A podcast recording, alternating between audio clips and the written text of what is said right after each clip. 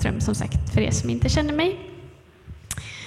Ehm, jag har äran att få fortsätta den här predikoserien om tillbedjan, vilket känns jättehärligt. Ehm, och ehm, jag ska göra en liten inledning som kanske är lite oväntad. Men eh, stay with me, som man säger. Häng med, för att eh, det bäddar för eh, temat sen. Men som sagt, jag läser ju på pastorsprogrammet på ALT. Och eh, den här hösten som har varit nu så har vi läst en kurs i Gamla Testamentet.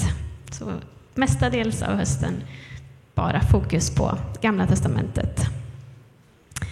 Svårt kanske någon tycker, eller tråkigt. Eh, det är massa kungar och domare och krig och mycket, mycket märkliga saker som händer. Men eh, det är också många väldigt fantastiska saker som händer. Och eh, när vi är i slutet på en kurs så får vi alltid utvärdera kursen i skolan och tänka så här, vad, vad tar ni med er från, eh, från den här kursen? Och ehm, oväntat nog, eller kände jag själv kanske, för det var inte det vi var inne på så mycket under kursens gång, men jag upptäckte att vi har en Gud som har väldigt många stora känslor. Och eh, jag ska lägga ut det lite grann om Guds stora känslor. Som exempel då, innan Gud sänder syndafloden över världen för att den är alltigenom korrupt och eh, inga goda människor finns kvar förutom Noa så ångrar Gud att han skapade människan. Ouch. Det vill man gärna inte tänka på.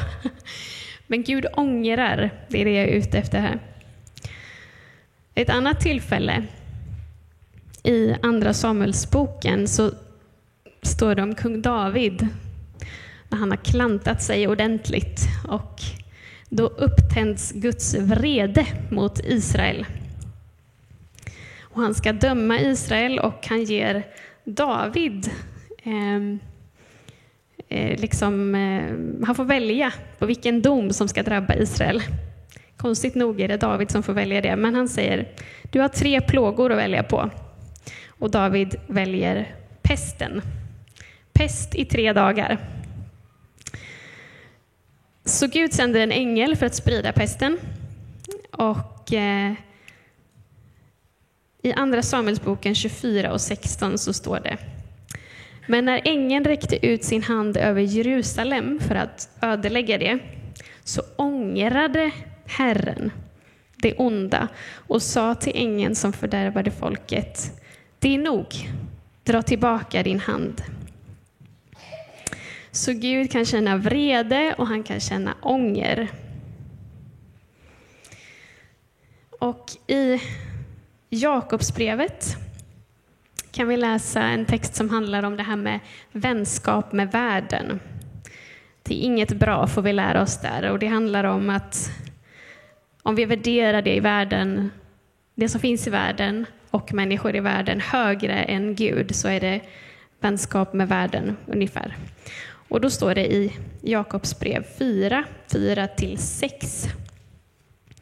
Ni Eh, ni otrogna, vet ni inte att vänskap med världen är fiendeskap mot Gud? Den som vill vara vän med världen blir fiende till Gud. Eller tror ni att det är tomma ord när skriften säger svartsjukt längtar anden som han låtit bo i oss? Svartsjukt, i en annan översättning står det svartsjukt längtar han efter den ande som han låtit bo i oss. Men större är nåden som han ger. Därför heter det Gud står emot de högmodiga men ger nåd åt de ödmjuka.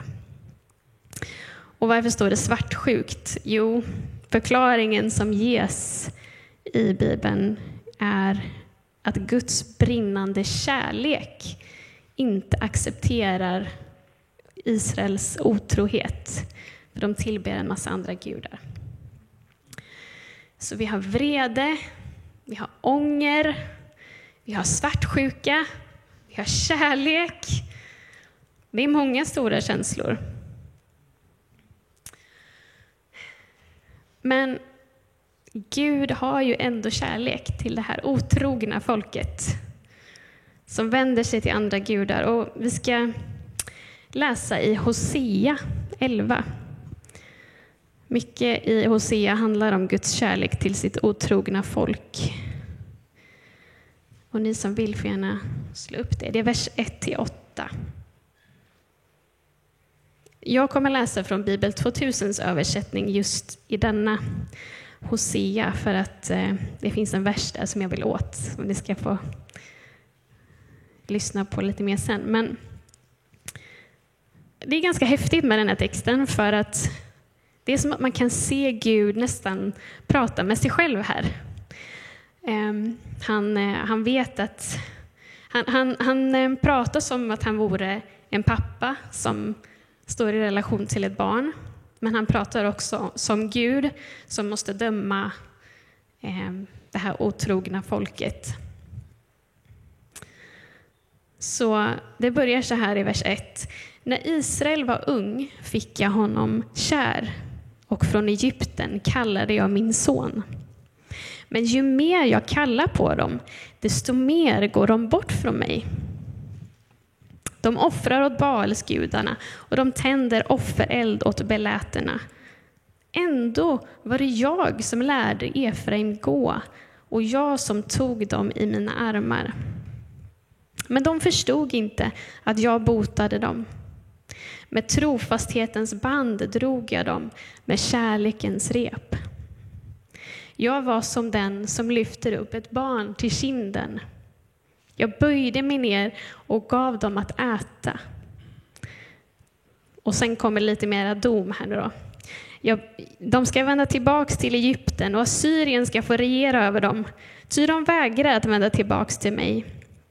Svärdet ska svingas i deras städer och förgöra deras orakelpräster, förtära allt för deras ränkers skull. Sen så i Bibel 2000 är inte vers 7 översatt, för att översättarna som översatte Bibel 2000, de, om det är för svårt eller otydligt att översätta så lämnar de det blankt. Så jag tror att det är blankt hos er också där. Men vers 8 är det som att Gud har talat om den här domen, men sen är det som att han stannar upp och bara Hur skulle jag kunna släppa dig, Efraim? Överge dig, Israel. Göra med dig som är Adma och behandla dig som Sevojim. Städer som gick under samtidigt som Sodom och Gomorra. Och så säger han, mitt hjärta är i uppror. All min medkänsla väcks.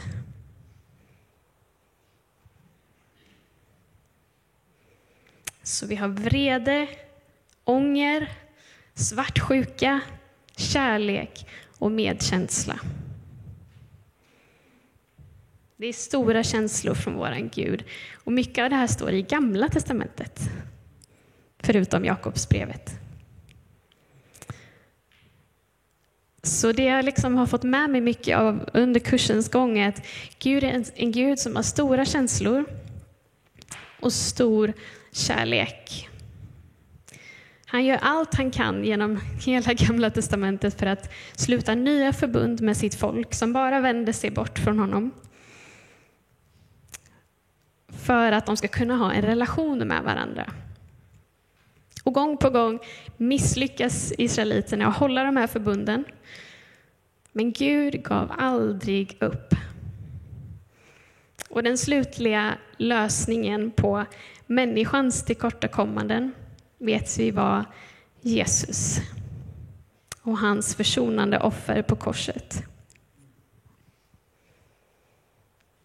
Ett sista exempel kring det här ehm, är i Första Mosebok där vi kan se Abraham diskutera med Gud när han ska förgöra Sodom och Gomorra för sin synd.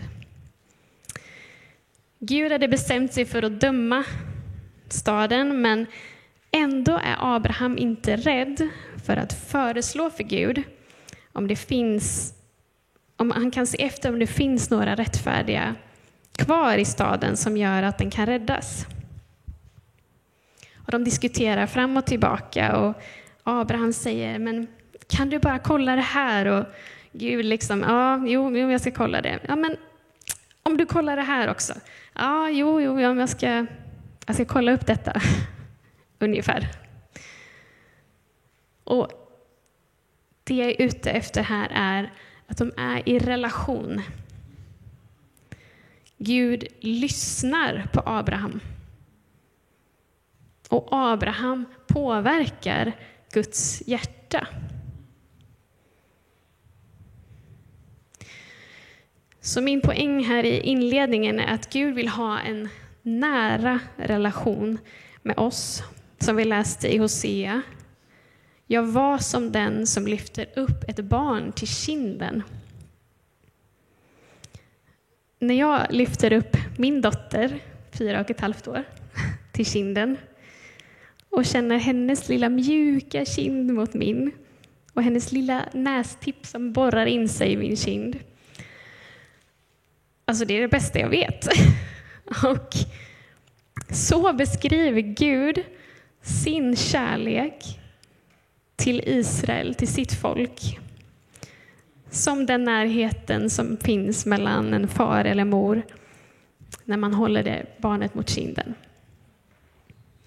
Gud vill ha en nära relation med oss och vi kan röra vid och påverka hans hjärta.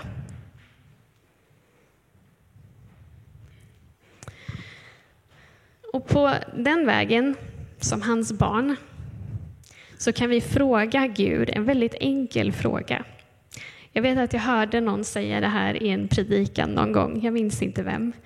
Men han sa så här, eh, han bad till Gud och sa, pappa, hur kan jag göra dig glad?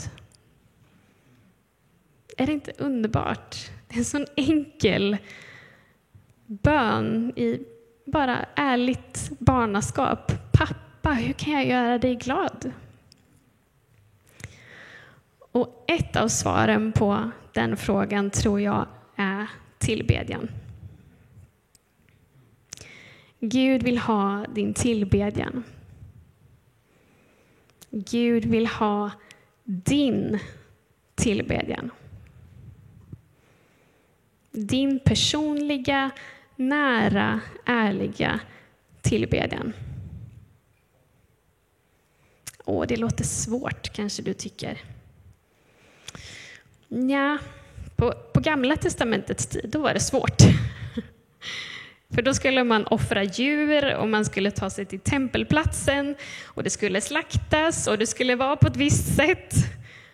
Det låter svårt, tycker jag. Men tack och lov, genom det Jesus gjorde på korset så behöver vi inte längre offra några djur. För varken synd eller annat och för att kunna tillbe och vara i Guds närvaro. Jesus banade vägen hela, fram, hela vägen fram till Guds närhet. När förhänget i templet brast i två delar och man kunde se rakt in i den platsen som kallas för det allra heligaste. Platsen där förbundsarken stod. Tecknet för Guds närvaro. Den platsen är öppen än idag. I psalm 51, 18-19 så står det Slaktoffer gläder dig inte, annars skulle jag ge dig det. Brännoffer vill du inte ha. Det offer Gud vill ha är en förkrossad ande. Ett förkrossat och bedrövat hjärta föraktar du inte Gud. Gud vill alltså inte ha slaktoffer.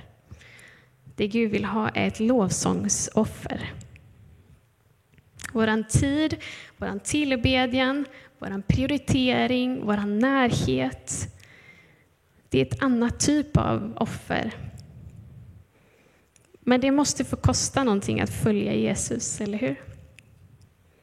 Vår tid är dyrbar, men inte för dyrbar för att kunna slösa den på Jesus. Så hur gör man då? Hur får man till den där egna tillbedjan?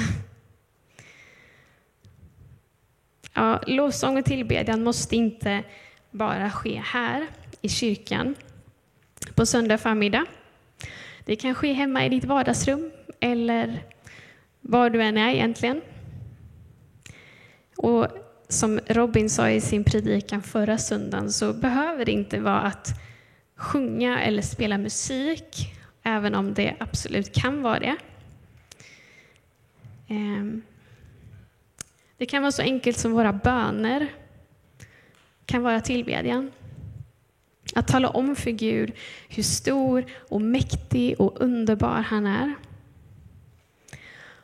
Och om vi inte finner orden själva så kan vi läsa högt ur eh, Saltaren till exempel. Boken i Bibeln som innehåller många av psalmerna av David, till största del David. De är helt fantastiska att få läsa högt. Eh, man kan sätta på Spotify eller CD-skivor för er som fortfarande håller på med det. Ehm, och sjunga med. Det är, det är jättebra hjälpmedel. Men så, så finns det kanske de som känner så här att eh, jag har svårt att sjunga med i vissa sånger, eller jag förstår inte vad det betyder, eller jag ska ta ett exempel från min ungdom, när jag var tonåring till exempel. Så var det, vet jag att jag stod i kyrkan och så var det sånger som var väldigt tydligt så här, jag älskar dig Jesus. Det handlar om att sjunga, jag älskar dig Jesus. Och då bad jag bara i mitt hjärta till Gud eller till Jesus så här, helt ärligt. Jag kan nog inte sjunga det här för jag vet inte om jag älskar dig. Nu kan jag göra det, för nu har jag också lärt känna honom. Så för dig som känner så att jag har svårt att sjunga med i de här sångerna eller så, så är min uppmuntran till dig att lära känna honom mer. Ge det mer tid. För jag tror att Gud uppskattade min ärlighet i den stunden och tänkte säkert, mitt barn, jag älskade dig innan jordens grund blev lagd. Jag har tålamod med dig. Det är som när våra egna barn föds. De kan inte säga jag älskar dig när de är nyfödda, eller tre månader, eller kanske ens ett år. Men sen efter ett tag så kommer det spontant. Jag älskar dig mamma. Eller jag älskar dig pappa. Det är värt väntan, eller hur? Vår dotter har sitt eget sätt att säga något, när hon vill säga något med eftertryck, så där riktigt ordentligt. Så säger hon, mamma, jag älskar dig hundratusen kilometer grader mycket. Det är personligt och jag älskar att hon har sitt eget sätt att uttrycka sin kärlek och sin närhet till mig. Och så är det också med Gud.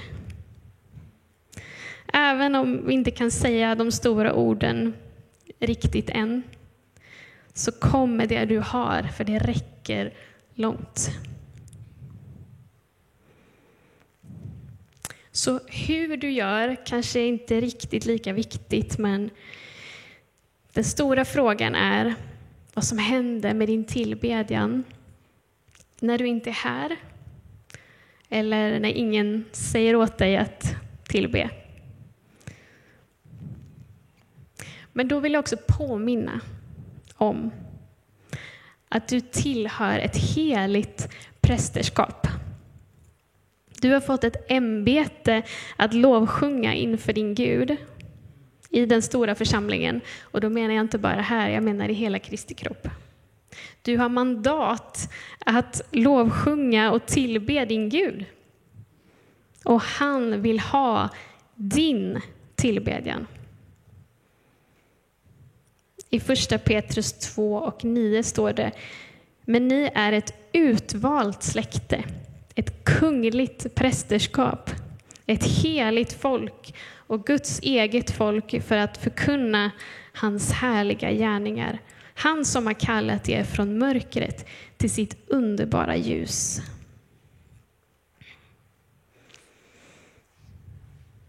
Vi ska titta lite närmare på psalm 18. Som, om ni har biblar med er får ni gärna slå upp det. Eh, vi ska läsa ganska många verser, eh, från vers 1 till vers 20. Men den är fantastisk har jag märkt när jag har läst den inför idag. Eh, och jag ska förklara varför. Men vi ska gå igenom den lite bit för bit. Så psalm 18, vers 1 till 20. Överskriften för den salmen i min bibel, Folkbibeln 2015, är Kungens tack för räddning och seger. Det är David som har skrivit den och det står att han sjöng den till Herren när Herren hade räddat honom från alla hans fiender och ur Sauls våld som jagade honom för att han ville döda honom.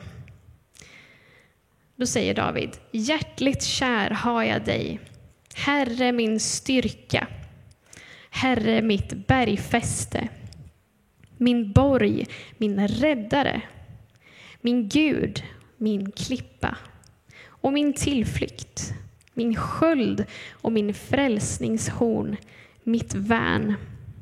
Jag ropar till Herren, den högt lovade, och jag blir frälst från mina fiender. Det här är för att ge ett konkret exempel på tillbedjan och lovprisning. Han vänder sig direkt till Gud och det är liksom du och jag, Gud. Du är min, du är min, du är min styrka, mitt bergfäste, min borg.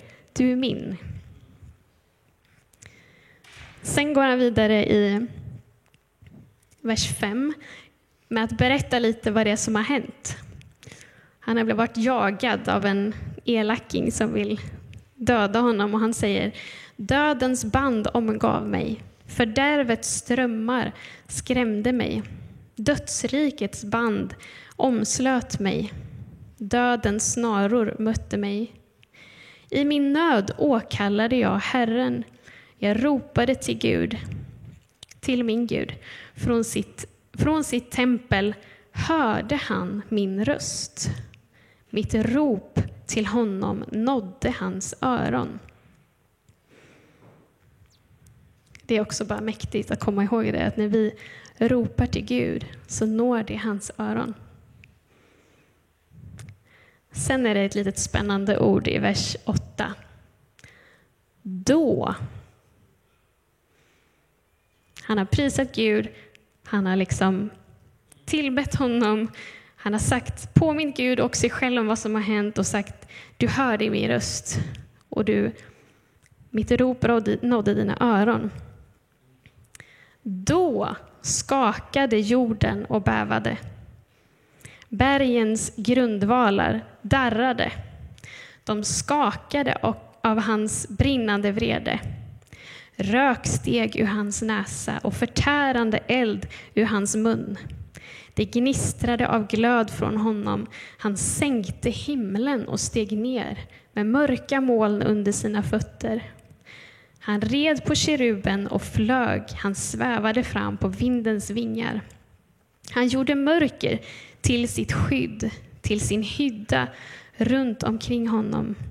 Ur mörka vatten, tjocka moln. Ur glansen framför honom bröt molnen fram med hagel och glödande kol. Herren dundrade i himlen, den högste höjde sin röst med hagel och glödande kol. Han sköt sina pilar och skingrade dem, blixtar i mängd och förvirrade dem. Flodbäddar blev synliga, jordens grundvalar blottades för din tillrättavisning, Herre, för din vredes stormvind. Sen kommer interaktionen mellan Gud och David. Han räckte sin hand från höjden och grep tag i mig. Han drog mig upp ur de väldiga vattnen.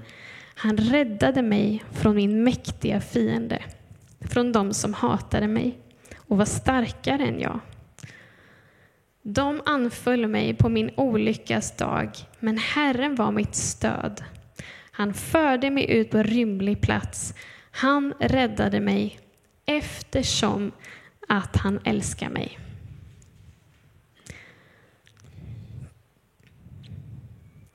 Jag tycker det är så mäktigt att,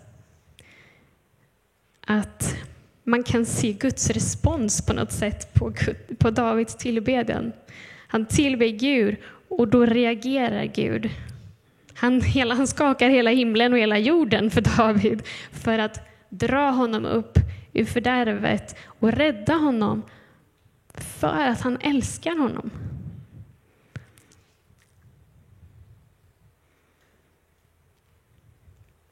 Han vill verkligen svara oss för att han älskar oss. Sen fortsätter salmen, den är ganska lång, med lite samma tema, att David fortsätter berätta om vad Gud har gjort och hur Gud svarar. Men i den näst sista versen, i vers 50 också, så avslutar han med att säga, David, därför vill jag tacka dig bland hedna folken, Herre, och lovsjunga ditt namn.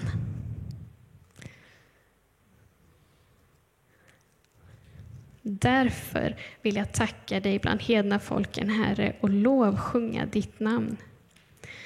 Så om Gud har gjort någonting för dig så har du all anledning att tacka och tillbe och lovsjunga honom.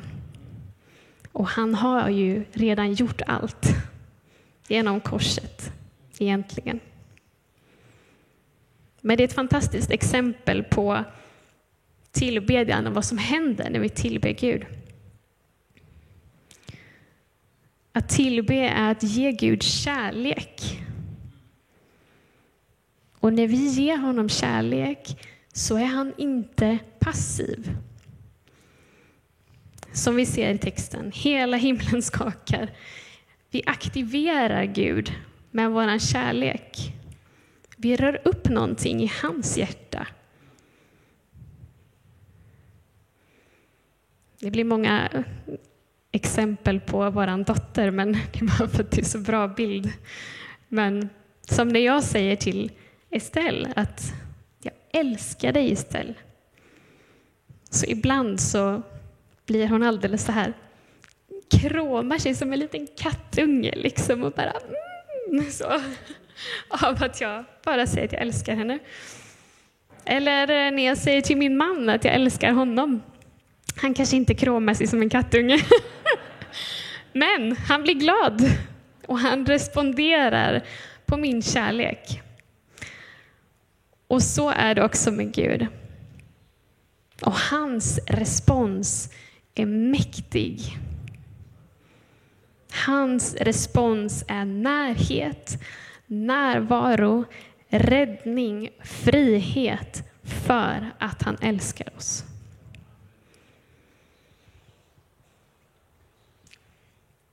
Sen finns det ju tillfällen i livet när sången ibland tystnar.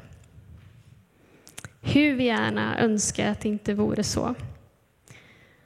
Så är det som från den kända salmen om sången någon gång skulle tystna eller störas av oro och strid. Jag tror att vi alla har varit där någon gång.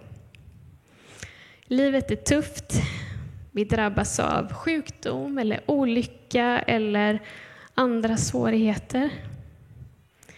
Men då vill jag ge ett konkret råd. Återigen från psalmisten David. I psalm 51, vers 17 så står det, och det här säger David när han har varit otrogen med Batseba och begått sitt livs största misstag. Han har det svårt. Men då, då, säger han i vers 17, Herre, öppna mina läppar, så ska min mun förkunna ditt lov. Så vi kan be Gud om hjälp även när vi är i de svåraste situationerna i livet, öppna mina läppar. Han vill göra det och han kan göra det.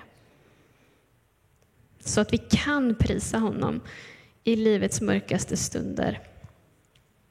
Och av någon anledning så tror jag att de lovsångerna eller den tillbedjan är något av det som värmer Guds hjärta allra mest. När vi i tro kan prisa honom för den han är i livets mörka stunder. För mina omständigheter förändrar inte vem han är. Halleluja. Slaktoffer gläder dig inte, annars skulle jag ge dig det. Brännoffer vill du inte ha. Det offer Gud vill ha är en förkrossad ande. Ett förkrossat och bedrövat hjärta föraktar du inte Gud.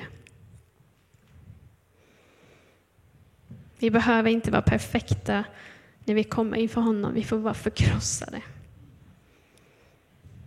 Och då ska jag säga något kort om att lovsjunga tillsammans i en församling. När vi är på botten och vi inte orkar, vi ändå inte orkar ge en lovprisning till Gud, så har vi en unik möjlighet att hålla varandra om ryggen och tillsammans gå inför hans tron och sjunga de orden som vår bänkgranne inte orkar sjunga. Din lovsång kan ge tröst och tro och hopp till någon som inte orkar sjunga. Gud vill ha din tillbedjan.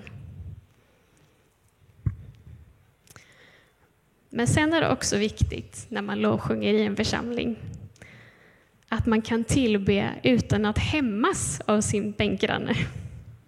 Och med det menar jag att vi inte ska jämföra oss med varandra när vi tillber.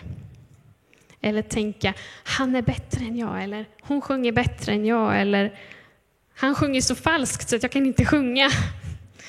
Eller alla andra sitter ner, så då borde nog jag också sätta mig ner. Nej! Om du har anledning att prisa Gud, så gör det. Oavsett vad grannen gör eller hur denne sjunger. Om du har en lovsång i ditt hjärta, så vänd dig till Gud och låt den stiga. Låt oss inte jämföra oss med varandra när vi tillber, för det är helt personligt. Gud vill ha var och ens tillbedjan i alla dess färger och former.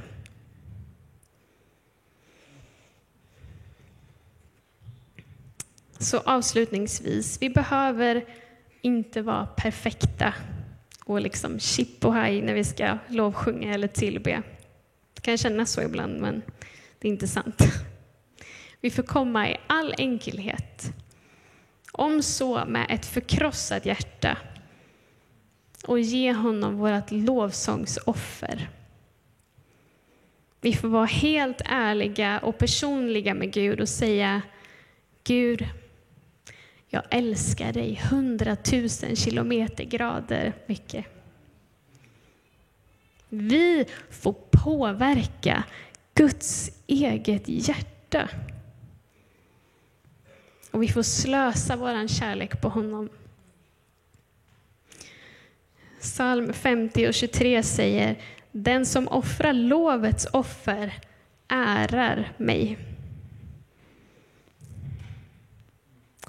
Och vad gör Gud då när vi lovsjunger och tillber honom? Det kan man prata mycket om.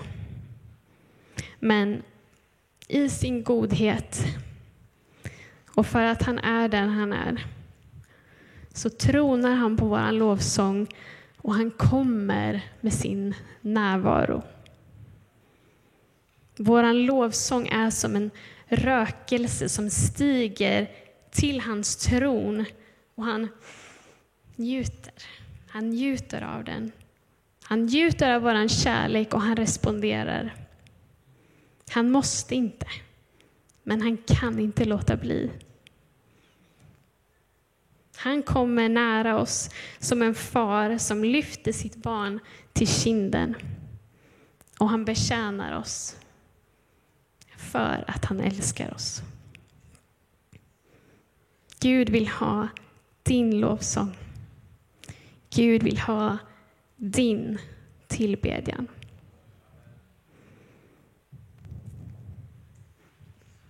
Tack Jesus för att du är den du är.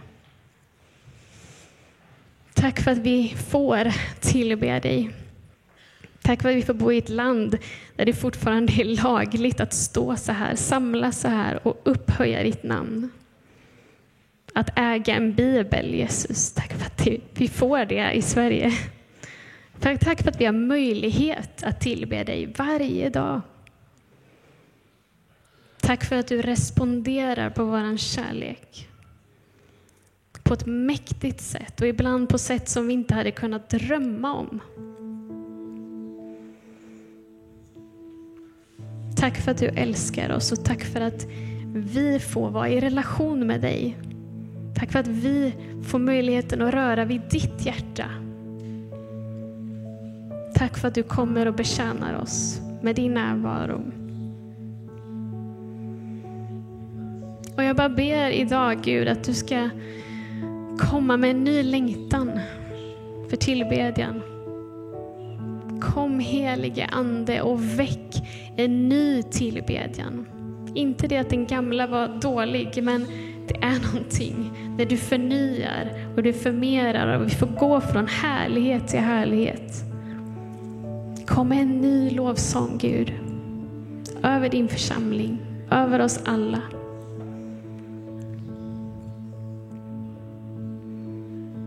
Och om det är någon som sitter här inne som känner att jag vill ha en ny lovsång, en ny tillbedjan i mitt hjärta. Men jag vet inte hur man gör. Man behöver inte veta hur man gör. Men om du vill känna att Gud, jag vill att du ska göra någonting nytt i mig så får du gärna lägga en hand på ditt hjärta och bara stämma in i den här bönen. Och säga Gud, ge mig en ny tillbedjan. Ge mig en ny längtan efter att vara nära dig. Att söka ditt ansikte.